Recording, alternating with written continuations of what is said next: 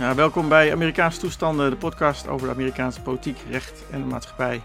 Mijn naam is Kenneth Manisama, samen met David de Bruin. Ik in Amsterdam, David in Alabama. David, ik zat uh, zes dagen op een uh, Riders Retreat. Uh, zoveel heb ik niet meegekregen van het nieuws, wel wat. Degene die mij op gevolgd volgt op Twitter, die heeft gezien dat ik iets mee heb gekregen. Maar niet alles. Um, heb jij nog iets opvallends gezien wat ik misschien niet heb gezien? Ja, ja ik, ik, uh, ik benijd je dat je daar uh, even aan hebt kunnen ontkomen aan al het uh, gedoe en geharrewar, want dat is, gaat gewoon weer door. Een paar dingetjes wel, sinds we elkaar gesproken hebben. Um, de White House Chief of Staff, Ron Klain, is vertrokken. Oh ja. wel, wel of niet toevallig nu um, dat geval van ook Biden, er zijn ook documenten gevonden natuurlijk bij Biden thuis Um, nu dat toch wat meer uh, lijkt op te spelen, is Ron Klein, die hoeft daar niet meer voor te zorgen. Dus dat, uh, dat zou, heeft hij mhm. misschien uh, wel bewust zo gedaan, althans kan ik me goed voorstellen. Um, Jeff Sines is zijn vervanger, um, is ooit, is een hele rijke man, is ooit binnengehaald door Obama om de Obamacare website te fixen. Toen die, ik weet niet of je dat nog herinnert, toen ja. Obamacare gelanceerd werd, dat ging helemaal fout. We moesten met de website, maar ik deed het helemaal niet. Dus uh, die zit daar nu. Eén geval wat me vooral opviel in het nieuws, dat is een raar verhaal. Een soort van um, nou ja, nasleep of, of uh, nieuwe, nieuwe editie van dit Rusland-saga, wat iedereen zich al zal herinneren rond Trump. Um, de, het voormalige hoofd van de FBI Counterterrorism Bureau in uh, niet counterterrorism, counterintelligence bureau in New York, is gearresteerd. Uh, heet hij.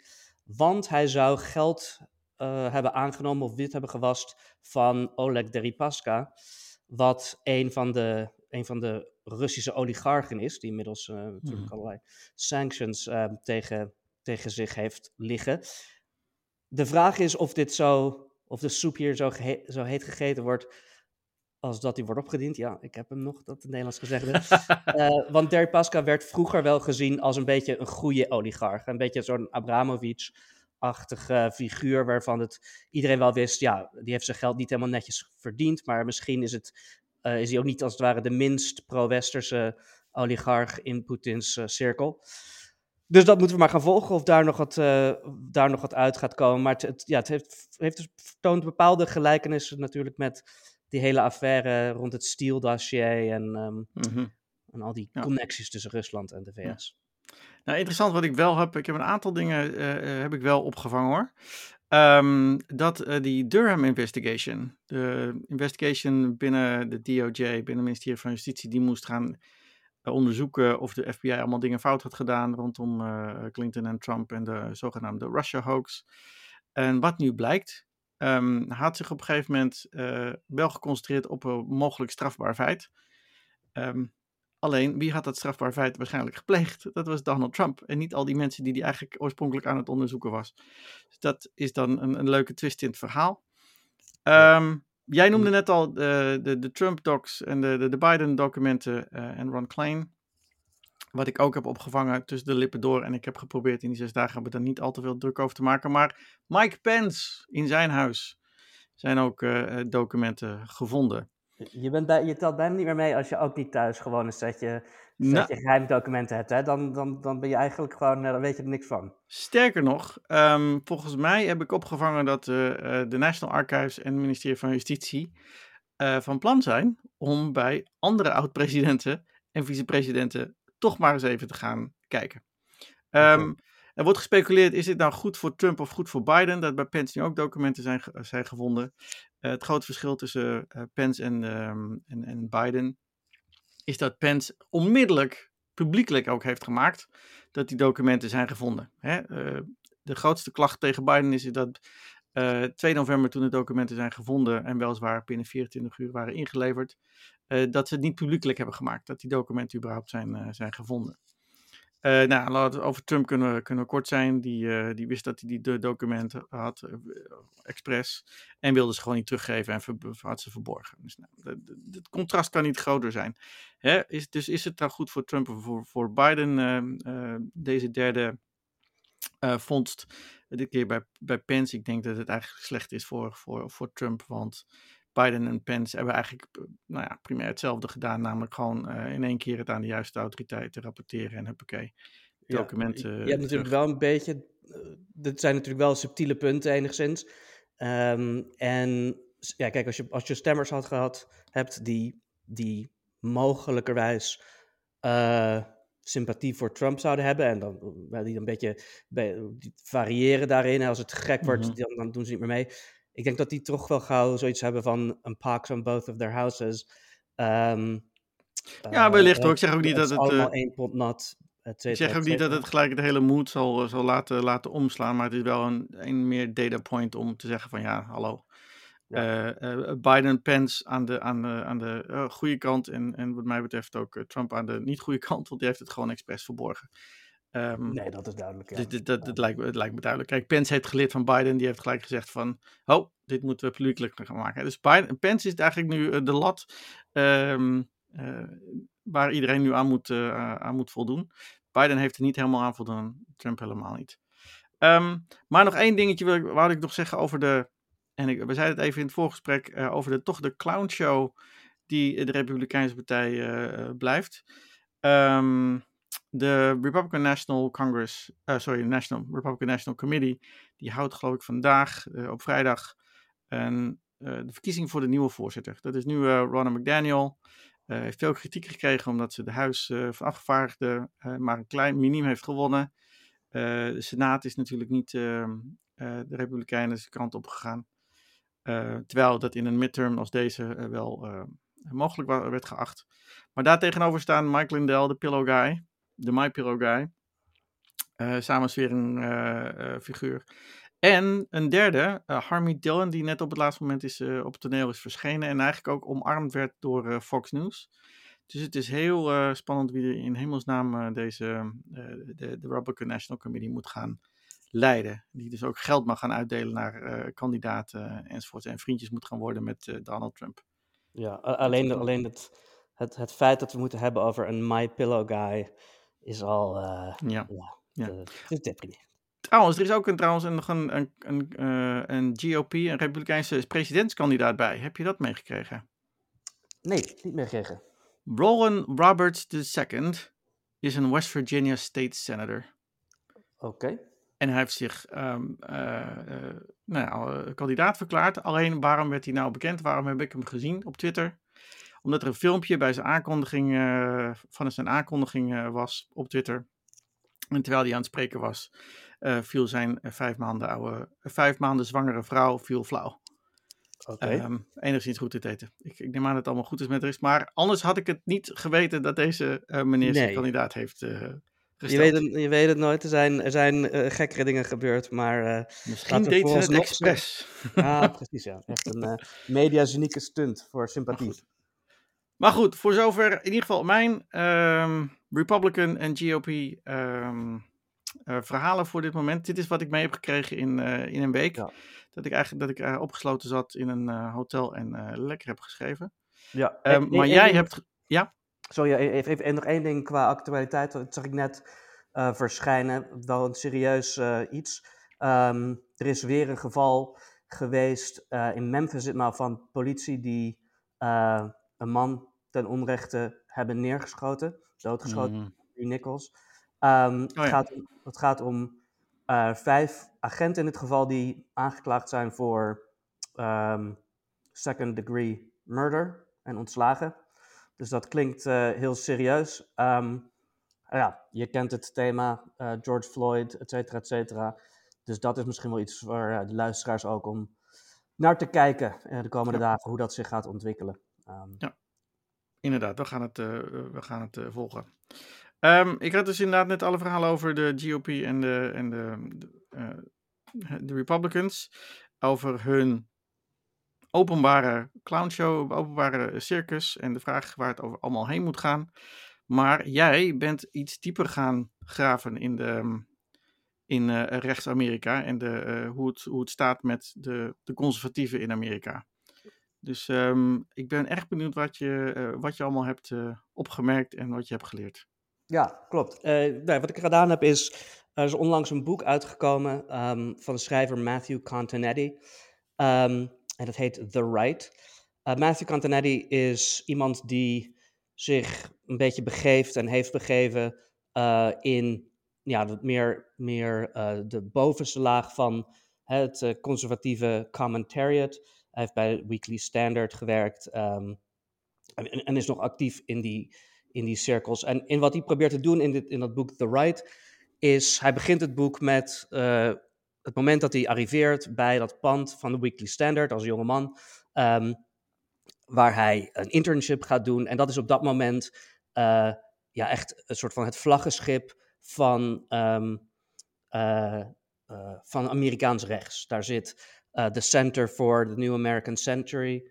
Daar zit, um, daar zit de Weekly Standard. Daar zitten andere denktanks, die American Enterprise Institute. En die hebben dat, op dat moment, dan hebben we het over de vroege jaren Bush.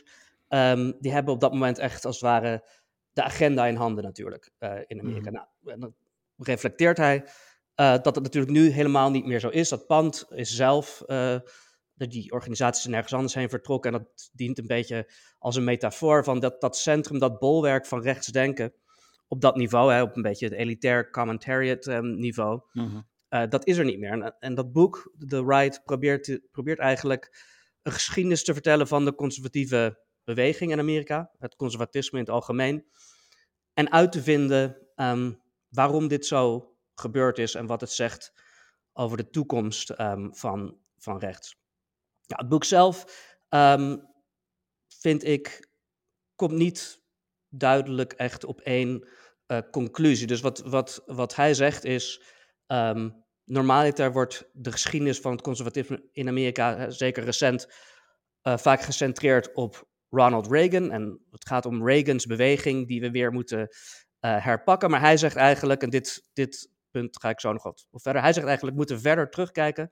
Reagan, door zijn unieke persoonlijkheid en zijn, en zijn bijzondere vorm van charisma, als ook het feit dat er dan, uh, we zitten in de, op de hoogte van de Koude Oorlog. Um, ja, die, die feiten komen eigenlijk bij elkaar om eigenlijk twee verschillende stromingen binnen het conservatisme in Amerika um, samen te brengen. En dat is dus eigenlijk een beetje een soort aberratie in de zin dat hij ze weet te verenigen, maar ze zijn normaaliter niet, uh, niet echt verenigd. En die stromingen die gaan terug naar de jaren twintig. En daar wil ik eventjes op inzoomen. Bij uh, Cantonetti mm, gaat dan bewegingen in de jaren twintig uh, bespreken, die ik ook zo meteen ga bespreken. Um, waar naar mijn gevoel eigenlijk een soort strijdigheid tussen die twee elementen van het conservatisme te zien is. Hij zegt dan dat, eh, het is een vrij optimistisch boek, dat conservatisme mm. nog enorm veel toe te voegen heeft aan, uh, aan het Amerikaanse debat en het zal altijd weer terugkomen, et cetera. Maar ik vind het eigenlijk leuker om op die, op die strijdigheid uh, te gaan zitten, op die, die interne contradictie. Even tussendoor, nou, het is interessant, want uh, er gaan natuurlijk ook geleiden op, ook van met name bepaalde never-Trumpers, die echt zoiets hebben van wat is het conservatisme? Nog. Ja. Dus het is inderdaad goed om eens terug te grijpen naar wat het ooit dan was. Ik, ik lees even voor eh, de, de, ondertitel van het boek. Het is The 100 Year War for American Conservatism. Het geeft al een beetje aan die strijd waar je het al um, over, over hebt. Dus ik ben erg ja. benieuwd. Ja, dus hij, hij zegt eigenlijk, we moeten die, die geschiedenis van het conservatisme in Amerika verder terugvoeren dan, uh, dan wordt, normaal wordt gedaan, naar de jaren 20. Nou, wat je hebt in de jaren 20 is een um, kluis tussen eigenlijk twee scholen binnen het Amerikaanse protestantisme. Dus om eventjes het landschap te schetsen. Uh, in die tijd um, hebben we natuurlijk ook de Republican Party, de Grand Old Party zoals we die nu hebben. En de Democrats, maar zoals de luisteraar wel zal weten, um, die waren niet op dezelfde manier aligned zoals nu. Uh, de Grand Old Party was een beetje de partij van de elite. Um, conservatief op een meer Engelse, Burkeaanse manier. En voorzichtig, um, niet al te optimistisch over vooruitgang. Terwijl de Democraten um, een progressievere partij waren. Uh, daar komt natuurlijk uiteindelijk de New Deal van Roosevelt uit voort. Maar ook een veel populistischere partij. Ja. En, en, uh, en, dat ging zelfs zo natuurlijk zo voort dat uh, eigenlijk tot en met de jaren 60 bijvoorbeeld rechts-zuidelijke Amerikanen, en dan heb ik het over natuurlijk racistische denkbeelden, zich meer thuis voelden bij de Democraten dan bij de Mhm, Republikeinen. Nou, in die, in die context heb je dan in het Amerikaanse protestantisme. Protestantisme is dan echt ja, quasi de staatsreligie van hè, de Amerikaanse elite. Je kon eigenlijk niet een katholiek zijn, laat staan eh, nog iets anders en dan bijvoorbeeld heel prominent politicus zijn. Maar binnen het protestantisme is er dan een, een strijd tussen de zogeheten modernists en de zogeheten fundamentalists. Nou, de modernists, zoals het woord al zegt, eh, zijn de mensen die vinden dat eh, religie goed, protestantse religie goed binnen ehm, de moderne tijd past. Dat je ehm, ja, een beetje een liberale kijk op, op religie. Eh, de fundamentalists zijn, ehm, daar komt het woord ook vandaan, daar hebben we letterlijk het woord fundamentalisten vandaan. Die vinden dat we weer terug moeten gaan naar de echte fundamenten natuurlijk van, eh, van het Bijbelse geloof. ehm, en zijn veel populistischer. Nou, in de jaren twintig heb je op een gegeven moment een rechtszaak, de zogeheten Scopes Trial, ehm, die zal je misschien wel kennen, ehm, waar het erom draait dat in Tennessee een leraar is geweest die Darwinisme aan het onderwijzen was. En die wordt dan vervolgens aangeklaagd vanwe- vanuit de staat, omdat hij hè, ehm, nou ja, abjecte ideeën zoals secularisme, et cetera, aan het Mhm. geven is. Nou, die, die leraar die heet Scopes. En die staat dus terecht. En zijn aanklager, dus degene die de staat vertegenwoordigt, ehm, is ene William Jennings Bryan. Bryan. En eh, William Jennings Bryan eh, was, eh, heeft een aantal keer, is een aantal keer kandidaat geweest voor het presidentschap, is een keer Secretary of State geweest. Prominent iemand, maar ook heel erg populistisch. Ehm, dus echt een beetje ja, hij beho- hij behoort tot de Democratische Partij, maar het is een soort rechtspopulisme in zekere zin. Mhm. Nou, tegen die, eh, in de publieke sfeer hebben ze, dat, dat, dat debat wordt, dit- over de trial wordt een heel gedoe. En tegen die William Jennings Bryan eh, gaat in een van de bekendste journalisten uit de tijd, H.L. Mencken. Hele scherpe pen, ik zal zo wel wat voorlezen. Maar die Mencken is een beetje een conservatief op het, eh, uit, uit de vorm van William Buckley later. Een elitaire conservatief, die, die niet zoveel op heeft met het gewone volk. Nou, in het die H.L. Mencken die schrijft dan over deze Williams, ehm, William Jennings Bryan ehm, dat hij ja, een vulgair populisme nastreeft. Eh, en hij beschrijft het dan zo: de, de mensen waar hij voor staat, het gewone volk als het ware, die hebben een utopische visie van ehm, een ja, landelijk Amerika, een ouderwets Amerika. En over de, die utopie zegt hij dit. They dream of it behind the egg stove on winter nights, their boots off, their socks scorching. They dream of it as they commune with cattle, pigs, skunks, the Methodist preacher, the Ford agent. This utopia haunts and tortures them. They long to make it real. They have tried prayer and it has failed. Now they have turned to the secular arm. Dus het idee is, deze, deze simpele lieden hebben een heel ja, vulgair beeld van wat Amerika zou moeten zijn, heel ouderwets, eh, helemaal niet reëel. En nu proberen ze dat hè, via, via het recht dan te realiseren. En eh, als ehm, Brian dan komt te overlijden een aantal maanden na, dat, na die rechtszaak, eh, dan schrijft eh, Mencken over hem de- het volgende in zijn obituary. He was a vulgar and common man, a cad undiluted, ignorant, bigoted, self-seeking and dishonest. A peasant come home to the dung pile. Imagine a gentleman, and you have imagined everything that he was not. Hmm, Ja. Klinkt bekend. Ja, precies. Dus, dus wat je hier ziet is interessant, omdat aan de ene kant, ehm, zoals je hoort, hebben we met een soort Trump-achtig figuur te maken. In ieder geval zoals hij beschreven wordt door die mensen. Mhm. En je merkt ook dat het vanuit, vanuit een soort van de passie waarmee hierover geschreven wordt, dat het ook die tijd zo werd gezien. Dat, dat, dat het echt het idee was van, oh, dan krijgen we een of andere vulgaire populist die hier ehm, politiek relevant is. De afkeer druipt er vanaf. De afkeer draait vanaf. Maar wat nou interessant is, is dat in Continetti's beschrijving van deze tijd, hij het conservatisme associeert met die Mencken. Dus met het soort elitaire, ehm, het soort elitaire commentariaat, wat vanuit eh, een visie van een goed redelijk mens, van, van goede, redelijke waarden, eigenlijk neerkijkt op die populist ehm, ehm, Brian. Maar wat Continetti denk ik terecht beschrijft, is dat gedurende de decennia uh, het conservatisme in Amerika altijd heeft gelaveerd tussen deze twee stromingen. En mhm. het conservatisme is alleen succesvol, zegt, zegt Continetti, zoals bij Reagan, als het op een of andere manier beide tegelijk weet te vatten. Als je dus tegelijkertijd een elite krijgt die conservatief denkt op zo'n menkenachtige manier, maar ook het volk daar voldoende populistisch achter uh, komt te staan.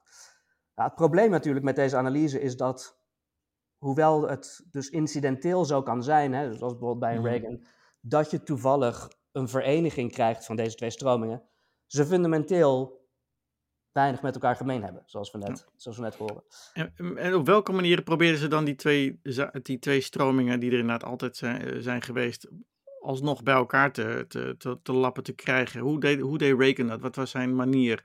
Of wat, wat, wat, hadden ze, wat hadden ze dan wel gemeen met elkaar? Ja, dat is, dat is dus uh, interessant. Continetti, als je het goed leest, ik denk niet of hij, dat, of hij zich daarvan bewust is, maar in mijn analyse, als ik het lees, komt het erop neer dat alleen contingente gebeurtenissen zijn die die twee uh, samenbrengen. Bijvoorbeeld, uh, een groot deel van de 20e eeuw staat natuurlijk in het teken van de strijd tegen communisme. Ja, en in het communisme heb je iets wat allebei die groepen verfoeien. De ene op een, op een elitaire en anti-progressieve manier, de ander op een nationalistische, populistische um, manier. Hè? En dus ook een religieuze manier, hè? want communisme was toch uh, ja, was de, de antichrist ongeveer. Ja. En dan moet dus aan die analyse zijn, naar mijn mening, niet zoals Continetti zegt van, oh ja, dat komt wel weer, of uh, het conservatisme um, heeft nog allerlei uh, beloften in zich in ieder geval, in principe lijkt me dat je gewoon hier dus twee tegenstrijdige stromingen hebt. Nou, en welke tijd zitten wij nu? Wat beschrijft hij natuurlijk? Die Menkenstroom, die elitaire stroming, is verdwenen. Hè? Dat is, eh, heeft enorm aan invloed afgedaan. En dan kan je je vraag stellen, ja, waarom is dat zo? En hij beantwoordt die niet echt. Maar um, ja, mijn gevoel is, en dat zou dus eigenlijk een veel pessimistischere uh, conclusie zijn dan die hij geeft. Die Menkenstroming van het conservatisme, hè, dat een beetje dat, dat sceptische, Burkeaanse, anti-progressieve, uh, dat is gewoon niet echt meer een, naar mijn gevoel, het is niet echt meer iets wat gedeeld wordt door grote delen van het intellectuele commentariaat.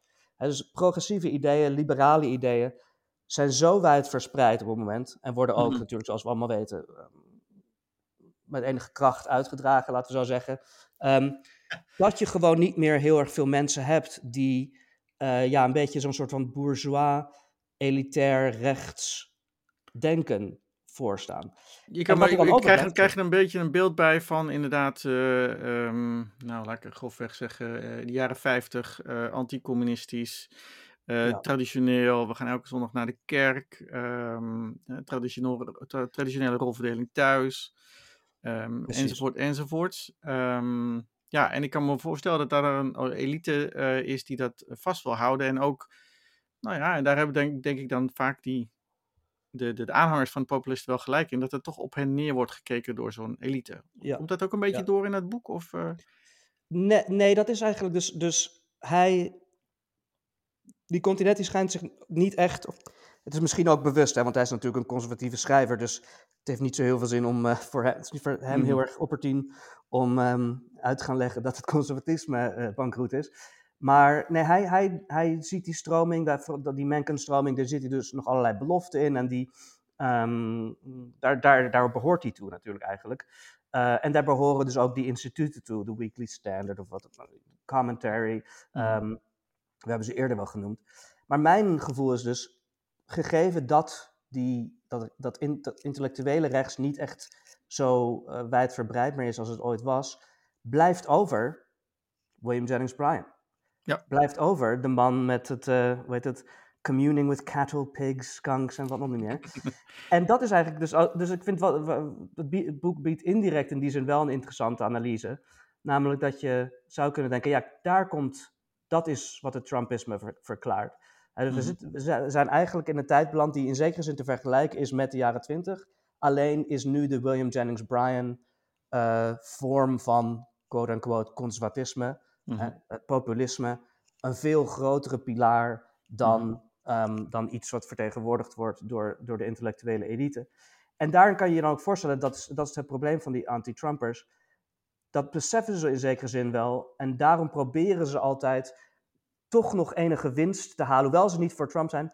Weet je, ze willen wel dat de Republikeinen. Dus we proberen een beetje achteraan te rijden. Hè. Ze zijn niet voor Trump, maar ze proberen ja, de wind mee te krijgen die dat, die dat veroorzaakt. Maar uiteindelijk blijft dat toch nog steeds gewoon tegenstrijdig. Omdat ehm, ja, er zit niks in die beweging, die populistische beweging, die veel sympathie heeft voor deze elitaire schrijvers, et cetera. Nou ja, tegelijkertijd is het wel altijd, eh, en het is toch een beetje een, eh, een, een spanning die überhaupt heerst in een democratie, maar zeker ook in, eh, in, in Amerika. En ik, ehm, en, ik ben er zo eentje die altijd terugdenkt, omdat ik er zo geïnteresseerd en geïntegreerd in ben, door ben, zijn de Founding Fathers, hoe zij erover dachten. Ik, ben een, ik, ik, ik, vind James Madison beno- bijzonder intrigerend. Ehm, dat er vanuit die elite, die, de Founding Fathers waren natuurlijk ook elite, er in zekere zin altijd is neergekeken, natuurlijk, op het tussen aanhalingstekens eh, gewone volk, omdat men dacht van het gewone volk is niet redelijk en moet in toom gehouden worden. Ze hebben een uitlaatklep via het Huis van Afgevaardigden, daar mogen dan de wat ehm, eh, de minder, eh, minder intellectueel bedeelde en de, de, de grovere medemens eh, zittingen innemen, maar verder is het toch eigenlijk een soort, John Adams had het altijd over een, eh, een natural aristocracy, die op, en Jefferson trouwens ook, die op een gegeven moment naar boven moet komen. Eh, om alsnog de democratie in, banen, eh, in goede banen te leiden. En het volk in goede banen eh, te leiden, als het ware.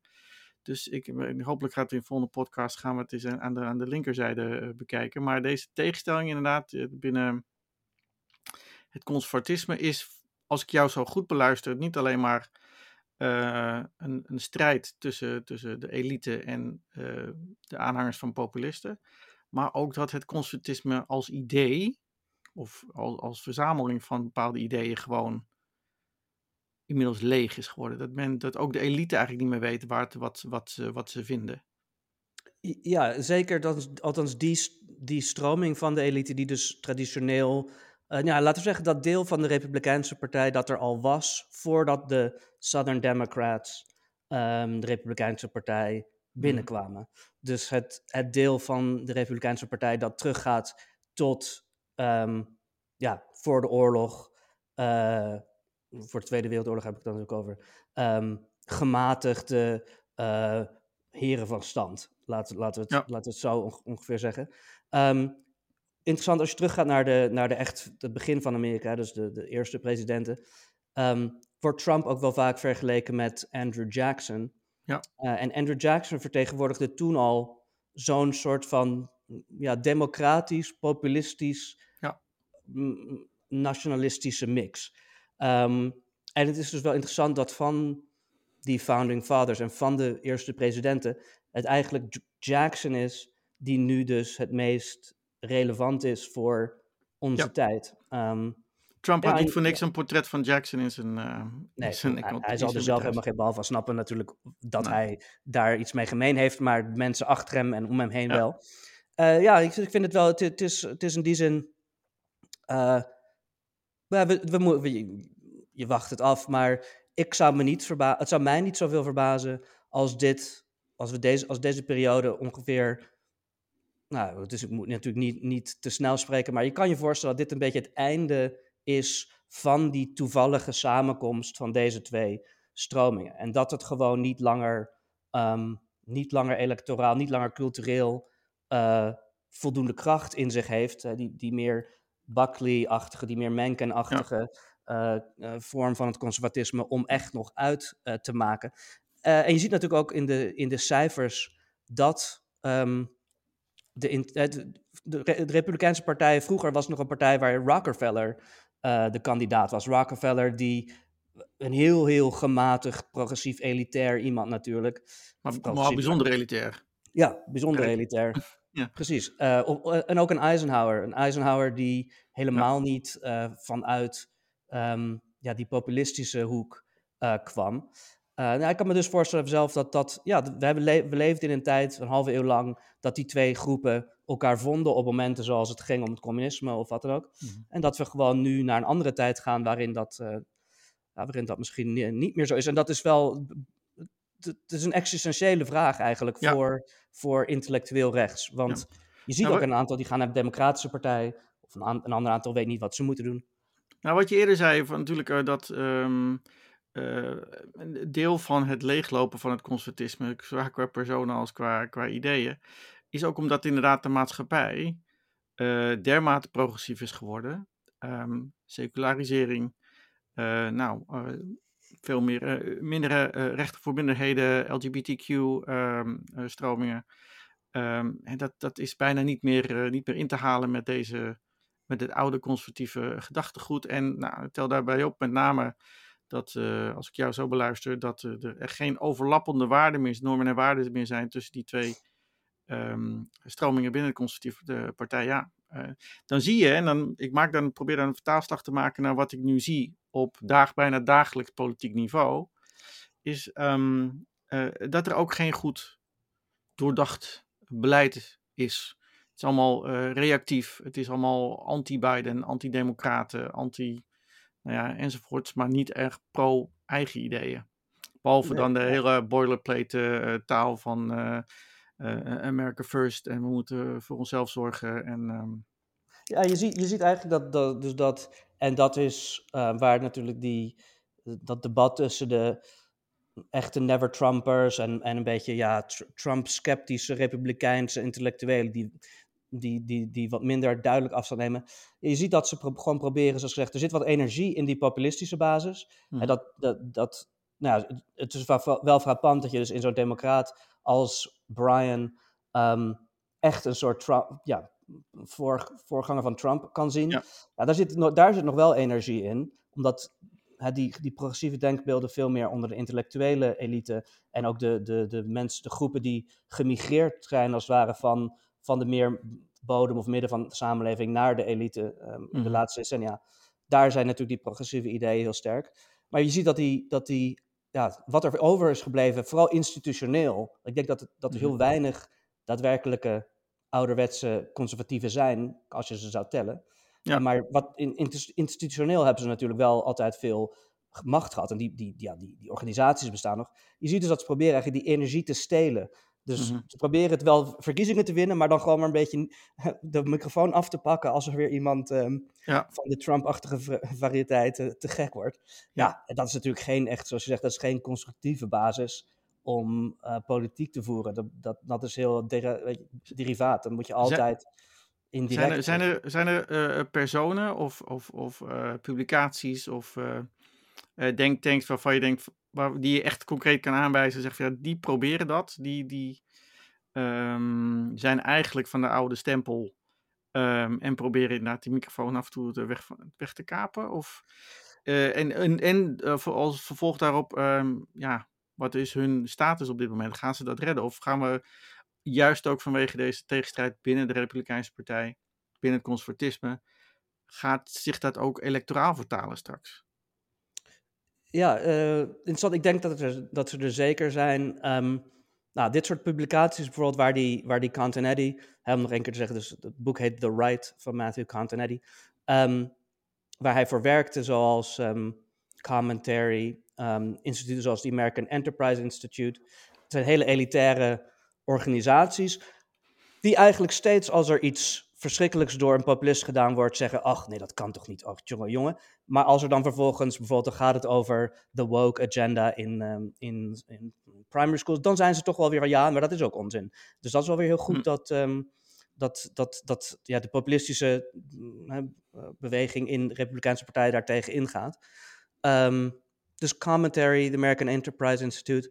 De enige hoop die ze wel hebben, en dat, dat zou je kunnen. Dat, dat, dat kan ik me voorstellen. Dat, dat populisme inherent niet stabiel is intellectueel. Want je hebt natuurlijk gezien, hmm. hè, sinds Trump heb je een aantal, we hebben het er wel eens over gehad, heb je een aantal intellectuelen gehad en, en, en je hebt nog wel wat, um, uh, wat publicaties, um, American Affairs, er eentje, Compact Magazine, is een ander, um, die proberen ja, een intellectuele foundation te geven van het Trumpisme. Maar dat mislukt steeds, omdat dan geven ze een of andere mm, ingewikkeld klinkende theorie over waar, waar, waar het nou eigenlijk allemaal voor staat. En vervolgens zegt Trump iets wat er natuurlijk gewoon compleet tegen ingaat. Of hij ontslaat weer iemand die hij net had aangenomen uh, op dat gebied. Nou, als dat zo is, dan kan je je voorstellen dat gegeven dat een politieke partij wel een intellectuele uiting moet hebben. Hè? Want dat, dat, mhm. het debat bestaat gewoon institutioneel ook op een elitair niveau. Dat dit soort ouderwetse publicaties toch weer die mantel uh, tot zich kunnen nemen van het, de, het vertegenwoordigen van een conservatief geluid. Mm Kwaad of als het dan gaat, goed of kwaad als dat gaat.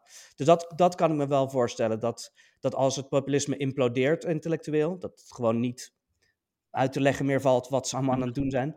En dat, dat je dan dit oude rechts wel weer krijgt in die positie die ze graag hebben. Namelijk, zelf zijn ze dan met weinig, maar ze doen alsof ze staan voor een grote partij. En eigenlijk zijn dat, eh, de, de base van die partij zijn eigenlijk de populisten. Maar de, basis, de basiscomplicatie voor, uh, voor, die, voor die mensen is, de blijft dan dat een, een, een flink naar links opgeschoven maatschappij um, uh, hun ideeën echt niet meer ja, uh, wil, willen zien ja. eigenlijk. Ja, dat, de der, dat de meerderheden dermate zijn geflipt naar een geseculariseerde maatschappij, veel diversere maatschappij, veel, ja, onder met gebrek aan een beter woord, een tolerantere maatschappij. Um, die ik, en ik moet ik eerlijk gezegd ook wel toegeven hoor, dat ik inderdaad het gevoel van dat die, die ontwikkeling um, ook een bepaalde leegte met zich meebrengt, omdat het een dermate doorgeslagen individualisme is, waardoor ik zelf wel eens denk van um, een, een, een, een, overkoepelend. We, we, hebben geen overkoepelend uh, moreel kompas meer, lijkt wel. Geen, geen overkoepelende normen en waarden meer. En dan heb ik, zeg ik we, want dan heb ik het niet alleen over Amerika, maar ook in uh, bijvoorbeeld in Nederland. En dat ik denk van jeetje, um, het, dat conservatisme van, conservatisme van vroeger was, um, had in ieder geval inderdaad wel een, um, uh, niet zozeer een ideologie, maar inderdaad een, een set, van, set van ideeën, eh, duidelijke handvatten, waar iedereen zich aan uh, enigszins kan, kon, kon conformeren en aan kan committeren. dus dat, dat, ik, dus ik, de, de leegheid van, van het conservatisme die jij, die jij eigenlijk beschrijft aan de hand van dit boek, um, zie ik toch in zekere zin ook weer bij, bij deze, de, de, huidige maatschappij waarin we veel progressiever zijn enzovoort. Dat ik daar uh, ook een soort doorgeslagen individualisme zie, waardoor, er ook geen duidelijke uh, intellectuele basis meer te ontwaren is.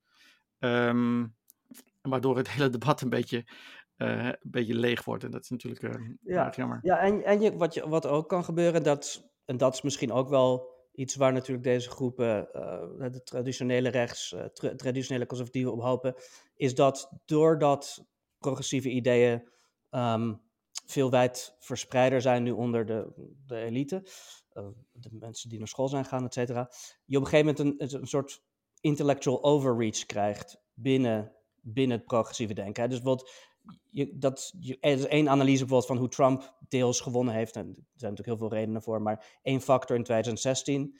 Uh, als, jij, als je vanuit, als de Democratische Partij heel erg geassocieerd wordt met bijvoorbeeld het idee, um, uh, ja, um, blanke, witte Amerikanen zijn zometeen in de minderheid. Uh, de, wen er maar aan. jammer, ja. je hebt verloren.